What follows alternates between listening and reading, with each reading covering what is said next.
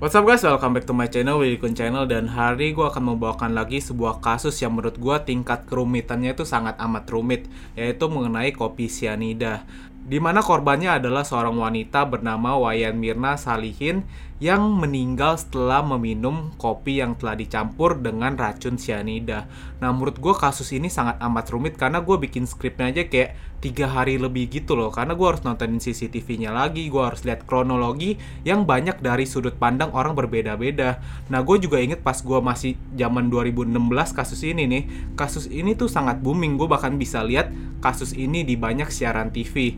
Nah, di situ juga dipanggil banyak-banyak ahli dari pokoknya semua ahli lah di kasus ini untuk meneliti siapa sih sebenarnya pembunuh dari si Wayan Mirna ini nih. Jadi sebelum gue bahas kasus ini lebih dalam, jangan lupa untuk support channel gue dengan cara gampang banget tinggal klik tombol subscribe-nya di pojok kanan video kalian, kemudian tinggal klik tombol loncengnya untuk mendapatkan notifikasi terbaru dari video di channel gue ya guys. Oh iya, sebelum mulai gue juga mau kenalin kepada kalian ini sebuah kopi yang namanya adalah kopi woke. Nah, kopi woke ini selalu nemenin gue ketika gue bikin skrip video-video nih guys. Ini bukan kopi cyanida ya, tapi ini adalah kopi woke yang rasa dan kualitasnya ini terjamin. Nah, ini udah tersedia dalam ukuran 1 liter, jadi kalau kalian mau order atau nyobain, bisa langsung cek Instagramnya di kopiwoke.jakarta atau bisa langsung order di Grab atau GoFood langsung ketik kayak kopi woke. So langsung aja kita bahas tentang kopi cyanida dan kalau kalian mau nyoba bisa langsung order di Grab atau GoFood ya guys.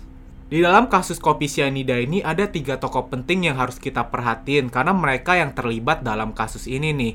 Yang pertama udah pasti adalah korbannya yaitu Wayan Mirna Salihin. Nah yang kedua adalah pelaku dari kasus ini nih yaitu Jessica Kumala Wongso. Kemudian yang ketiga adalah saksi kunci dari peristiwa ini yaitu Hani. Dikabarkan Mirna dan Jessica sudah menjadi teman dekat yang cukup lama sejak mereka pertama kali berkenalan di sebuah kampus yang bernama Billy Blue of Design yang berada di Sydney, Australia. Setelah lulus berkuliah, akhirnya Mirna memutuskan untuk pulang kembali ke tanah air karena dia ingin menikahi seorang pria. Kemudian Jessica memutuskan untuk tetap tinggal di Australia karena memang keluarga dari Jessica ini sudah pindah ke Australia sejak tahun 2005. Jadi Jessica nggak pulang ke tanah air nih pada waktu itu. Kemudian pada tahun 2015 akhirnya Jessica memutuskan untuk pulang kembali ke tanah air karena ingin mencari pekerjaan. Jadi ketika waktu itu karena dia jarang pulang ke tanah air atau pulang ke Indonesia, dia dikabarkan tidak memiliki kenalan di Indonesia. Dia hanya teringat dengan satu nama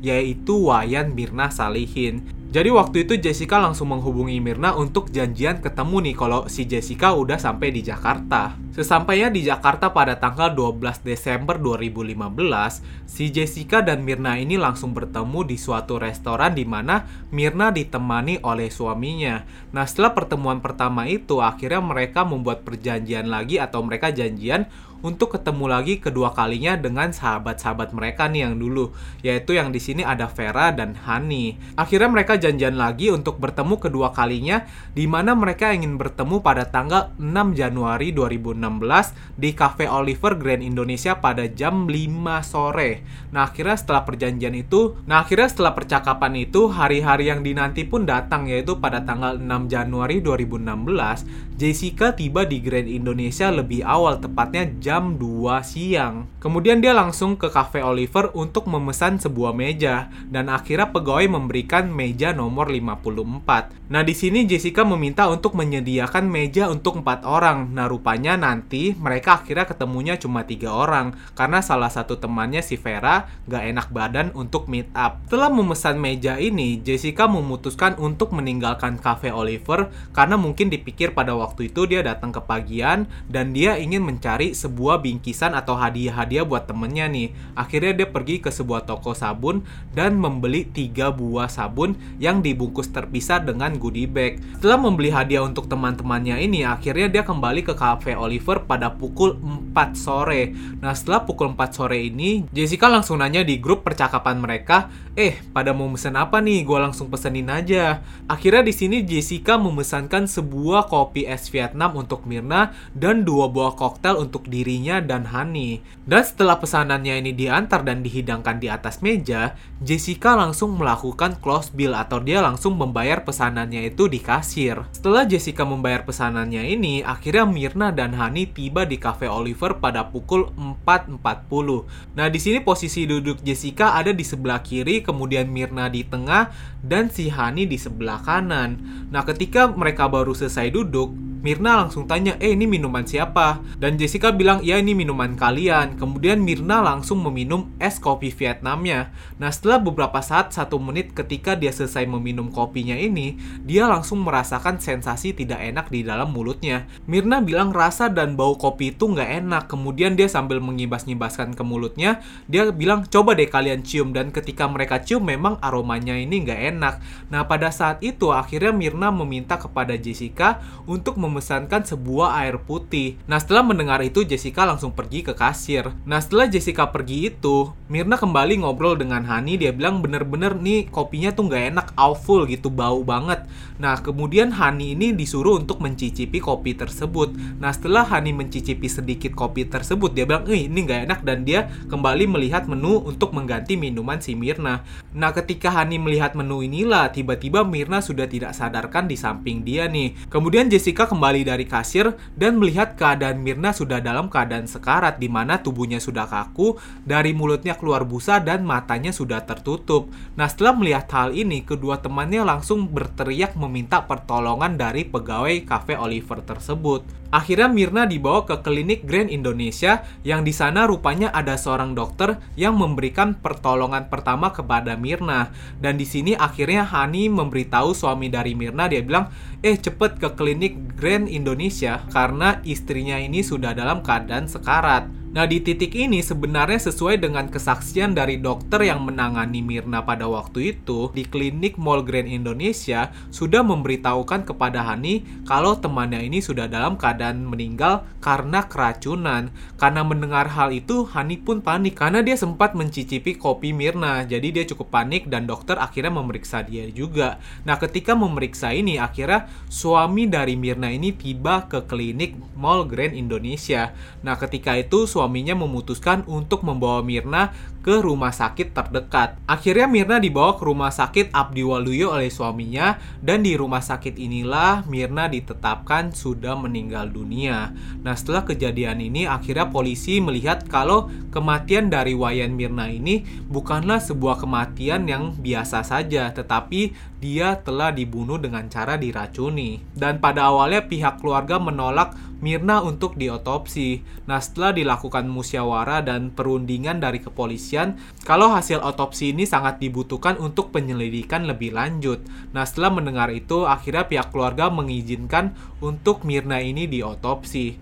Nah, setelah otopsi ini, hasil otopsi menunjukkan terdapat pendarahan di lambung Mirna di mana ditemukan 15 gram racun sianida. Dan sebagai gambarannya saja sebenarnya 90 mg atau setara dengan 3 sampai 4 tetesan dari racun sianida sudah dapat membunuh orang yang memiliki bobot sekitar 60 kg. Jadi kalau misalnya 15 gram racun sianida ada di lambungnya Mirna, itu setara dengan 1 sendok teh racun sianida. Jadi nggak aneh kalau misalnya Mirna setelah meminum kopi itu langsung merasakan efeknya, mulutnya berbusa, badannya udah kaku, kemudian langsung pingsan, itu udah wajar banget karena dia langsung minum satu sendok teh racun sianida. Gila banget ya kasus ini. Nah akhirnya setelah kepolisian mengetahui penyebab kematian dari Mirna ini, pihak kepolisian melakukan reka ulang di tempat kejadian, yaitu pada tanggal 11 Januari 2016, di mana kedua sahabat Mirna yang berada di TKP dan pegawai pegawai Oliver yang melayani mereka juga dihadirkan dalam reka ulang tersebut. Dan tidak lupa polisi juga melakukan investigasi terhadap beberapa saksi termasuk dari pihak keluarga Mirna yang diwakili oleh ayahnya. Dari kesaksian-kesaksian ini dan interogasi-interogasi ini, Akhirnya polisi mencurigai satu orang teman Mirna yang berada di tempat itu tuh, yaitu Jessica. Nah, setelah kecurigaan ini, akhirnya polisi melakukan penggeledahan di rumah Jessica.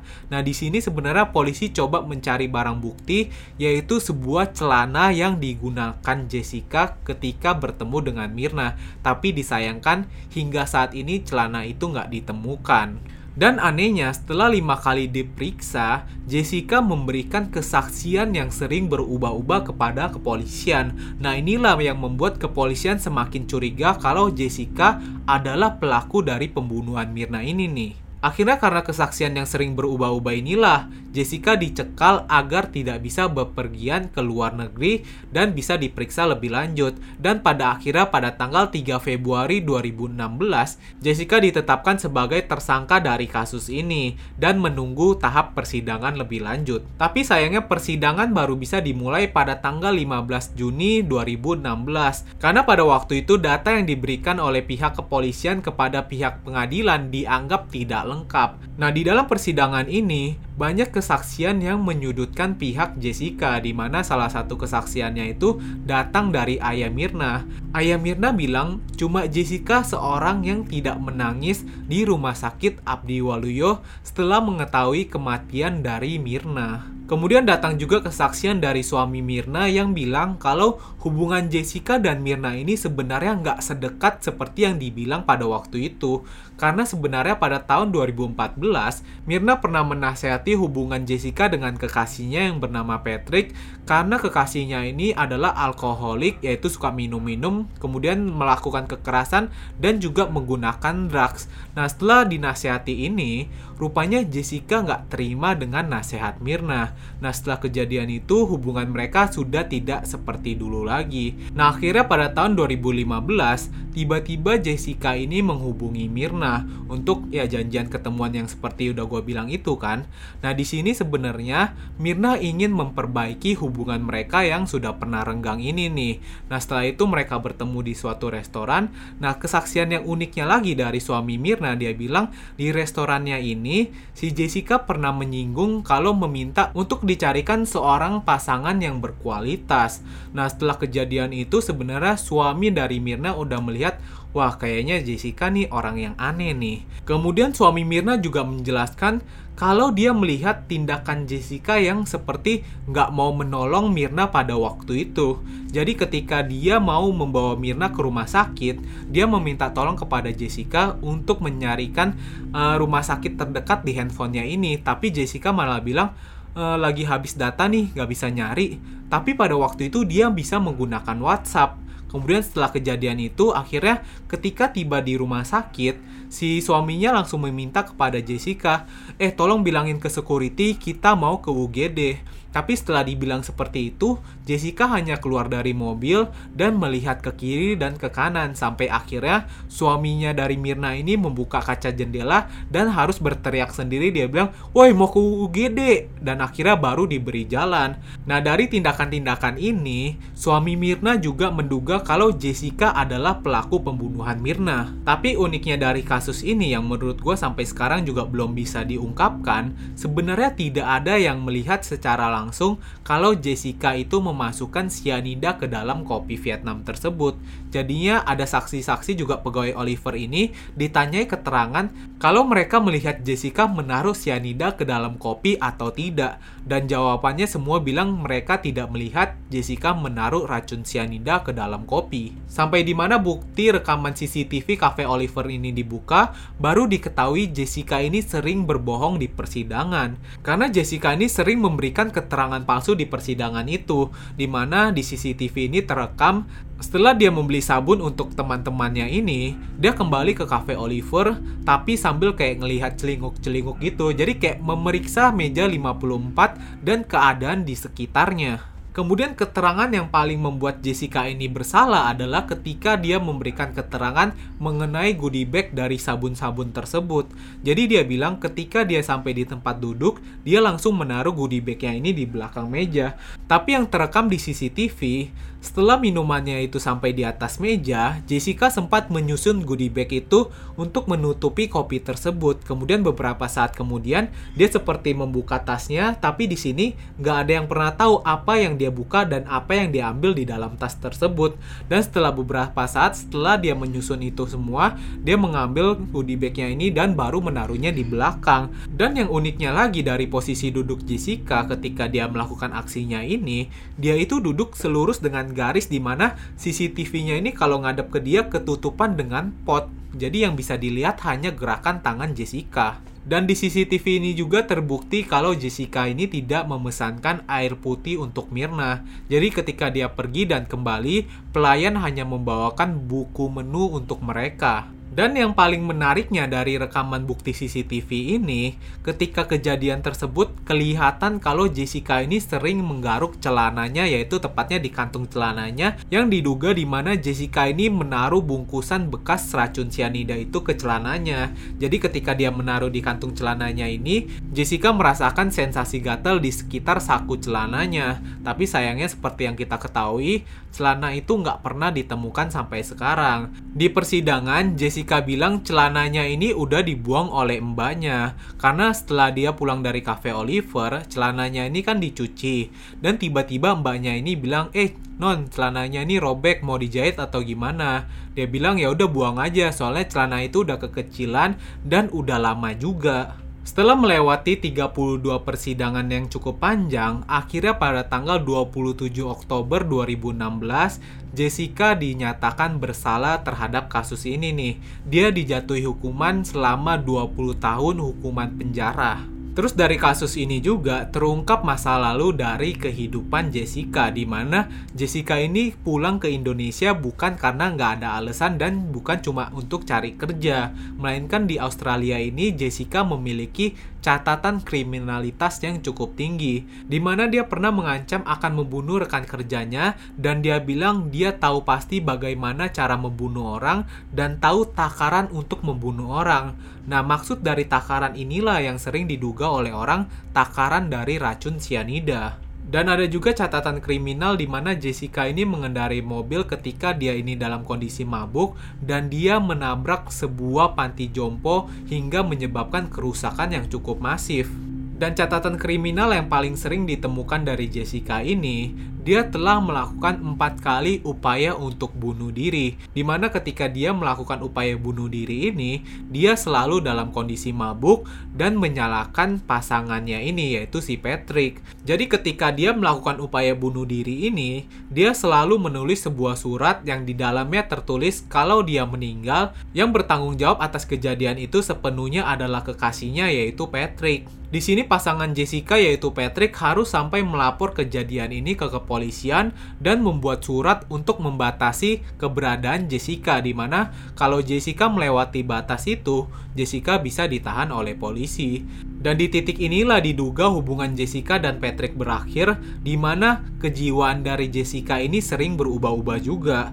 Nah, setelah kejadian itu, akhirnya Jessica memutuskan untuk kembali ke tanah air. Dan dalam sebuah pernyataan, keluarga dari Mirna ini membeberkan kalau sebenarnya Jessica ini iri terhadap hidupnya Mirna nih. Karena kalau diketahui sebenarnya dari empat sahabat ini, Vera sudah menikah, Mirna sudah menikah, dan Hani ini menjelang akan menikah. Tapi ya si Jessica ini sampai sekarang hubungannya dengan kekasihnya malah nggak jelas kan. Nah terus keadaan ini diperkeruh dengan di mana ketika Mirna menikah di Bali, dari empat sahabat ini cuma Jessica yang tidak diundang ke pernikahan Mirna di Bali. Jadi dari rangkaian kejadian inilah yang diduga dari keluarga Mirna yang membuat Jessica ini iri terhadap kehidupan Mirna. Menyalahkan Mirna atas kehidupan Jessica yang semakin memburuk. Nah, dari kejadian ini juga saking rumitnya timbul beberapa konspirasi dari kasus-kasus ini nih di mana pembunuh-pembunuhnya ini sebenarnya berbeda-beda dan bukan Jessica seorang. Di mana teori konspirasi yang pertama mengatakan sebenarnya pelakunya adalah saingan bisnis dari Cafe Oliver.